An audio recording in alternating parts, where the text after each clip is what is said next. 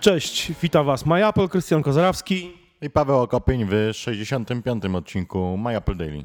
E, Paweł, pojawił się ten nowy MacBook, e, a dzisiaj pojawiły się doniesienia o tym, że mm, nowy iPhone będzie wyposażony w podobną technologię, która pojawiła się właśnie w tym MacBooku. Chodzi o gładzik z technologią Force Touch. On, a zresztą występuje też w ekranie e, Apple Watcha. No i najnowsze doniesienia mówią o tym, że ta technologia pojawi się także w ekranie nowego iPhone'a, czy będzie to iPhone 6s, jeszcze nie wiadomo, czy Apple dotrzyma e, tej tradycji, jeśli chodzi o nazewnictwo swoich smartfonów. E, Co o tym myślisz? No, technologia ta jeszcze się pojawi chyba w MacBooku Pro, tym odświeżonym.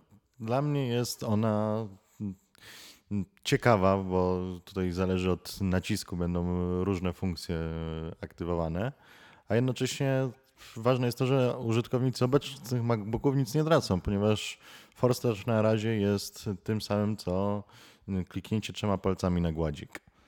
Więc na razie nie tracimy, a wszystko zależy od tego, co dodatkowego deweloperzy stworzą dla iPhone'a i dla Apple Watcha, bo tam będzie ten Touch najważniejszy. W MacBookach sądzę, że to jest taki ciekawy dodatek po prostu do tego nowego gładzika.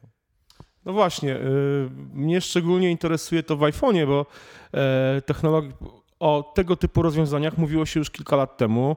E, Apple patentowało takie rozwiązania, które dodatkowo jeszcze ekrany mm, w takim urządzeniu miały drgać, e, imitując wypukłości, czyli na zasadzie takiej, że stukamy powiedzmy w ikonę lub przejeżdżamy palcem po ikonach, no to ekran drży w tym miejscu, sprawiając e, wrażenie, że jest wypukły, że te ikony, które widzimy na ekranie są tak naprawdę e, wypukłe. Faktycznie e, gładzik Force Touch pojawi się jeszcze w, odświeżonej, w odświeżonym MacBooku e, Pro z ekranem Retina o przekątnej 13 cali.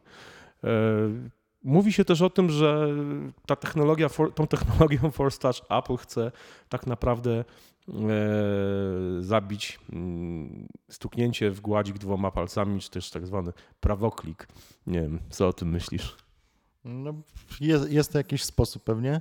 Dla mnie chyba najciekawsze będzie rozwiązanie w grach na iPhone'ie. Tutaj może być spore pole do popisu, gdy y, różny nacisk siły będzie mógł decydować o na przykład jakimś strzale czy kopnięciu w FIFA czy jakichś takich grach y, typu strzelanki. No faktycznie, to może być ciekawe rozwiązanie, że z drugiej strony e, no, tego typu gry dalej mają pewien problem.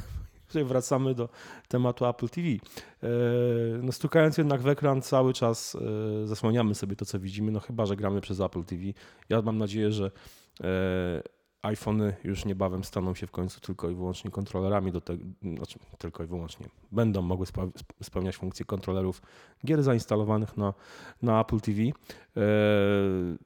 mnie bardzo ciekawi ta technologia Force Touch. Mam nadzieję, że już niebawem e, dostaniemy do testów e, MacBooka, tego nowego malutkiego, właśnie z tym gładzikiem.